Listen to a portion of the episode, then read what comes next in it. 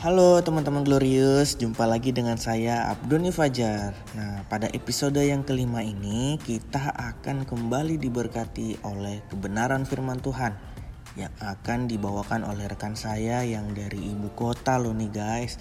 Dipakai Tuhan secara luar biasa dalam pelayanan-pelayanannya. Puji Tuhan, sudah siap untuk diberkati? Pantengin terus dari awal sampai akhir.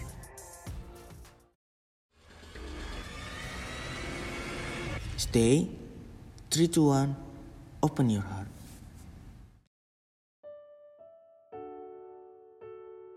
Shalom saudara-saudari yang kasih dalam Tuhan Mengucap syukur buat kesempatan yang telah diberikan kepada saya untuk berbagi firman Tuhan dalam Glorious Podcast pada hari ini.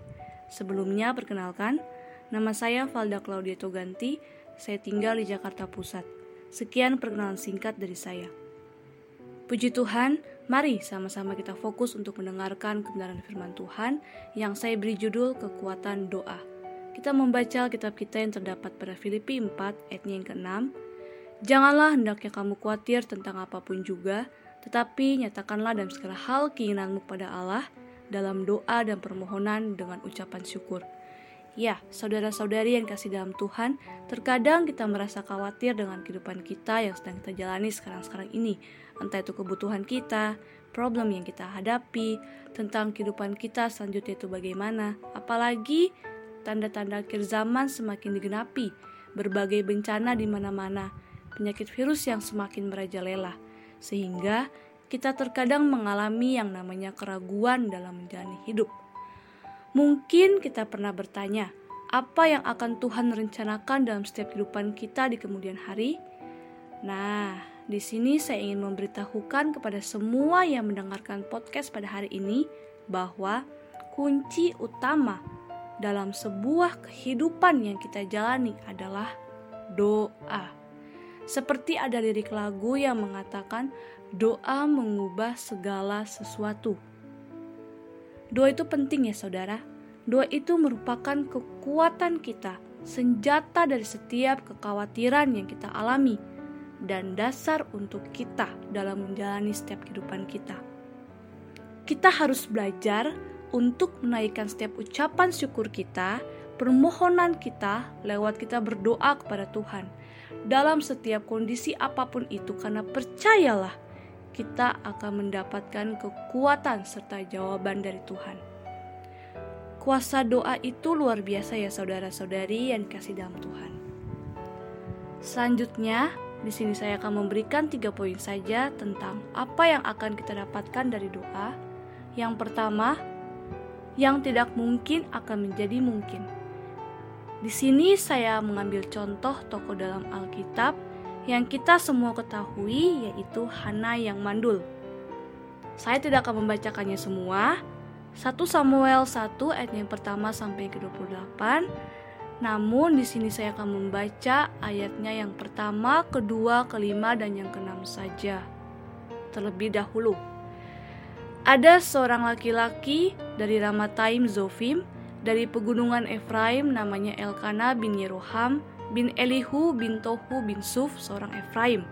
Orang ini mempunyai dua istri, yang seorang bernama Hana dan yang lain bernama Penina. Penina mempunyai anak, tetapi Hana tidak. Ayat yang kelima, meskipun ia mengasihi Hana, ia memberikan kepada Hana hanya satu bagian, sebab Tuhan telah menutup kandungannya. Tetapi madunya selalu menyakiti hatinya supaya ia gusar, karena Tuhan telah menutup kandungannya.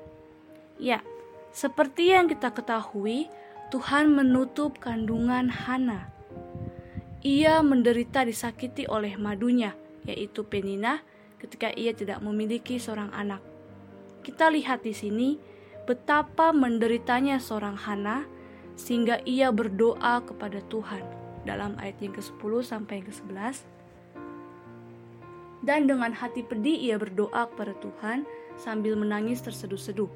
Kemudian bernasarlah ia, katanya, Tuhan semesta alam, jika sungguh-sungguh engkau memperhatikan sengsara hambamu ini, dan mengingat kepadaku dan tidak melupakan hambamu ini, tetapi memberikan kepada hambamu ini seorang anak laki-laki, maka aku akan memberikan dia kepada Tuhan untuk seumur hidupnya, dan pisau cukur tidak akan menyentuh kepalanya.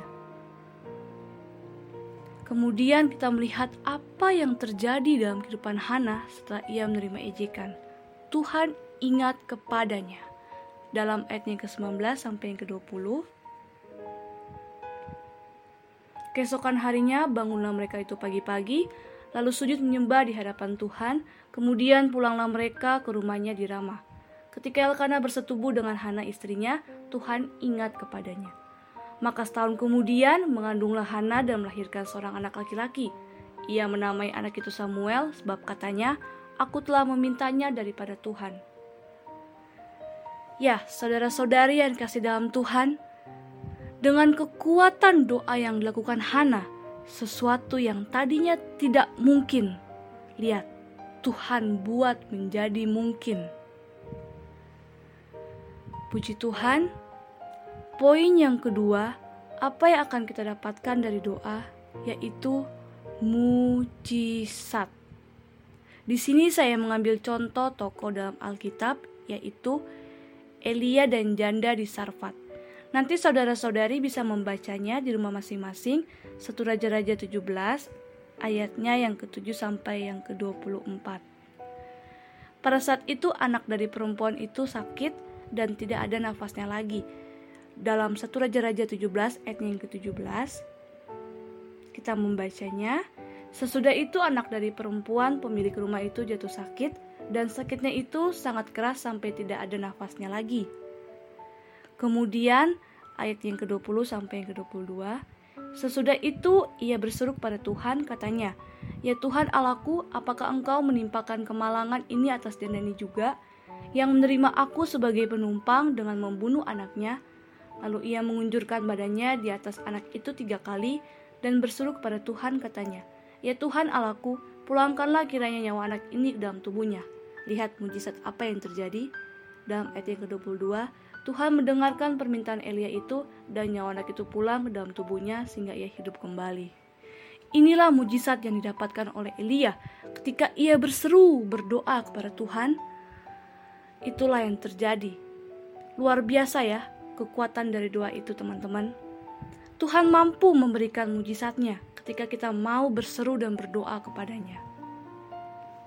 Nah, poin yang terakhir, yang ketiga, apa yang akan kita dapatkan dari doa yaitu sesuatu yang kita inginkan. Kita membaca Matius 7 ayat yang ke-7. Mintalah maka akan diberikan kepadamu.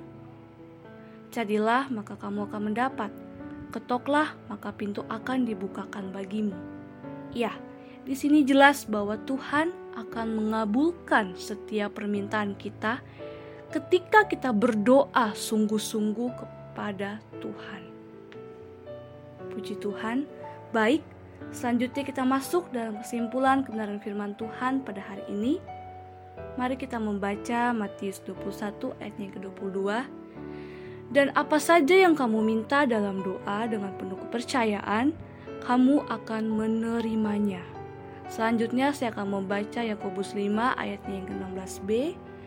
Doa orang yang benar bila dengan yakin didoakan sangat besar kuasanya. Ya, jadi saudara-saudari yang dikasih dalam Tuhan, perbanyaklah berdoa karena doa merupakan jawaban dari setiap kehidupan kita. Puji Tuhan, demikian kebenaran firman Tuhan pada hari ini. Biarlah terus tertanam dalam setiap kehidupan kita. Terima kasih Tuhan Yesus memberkati.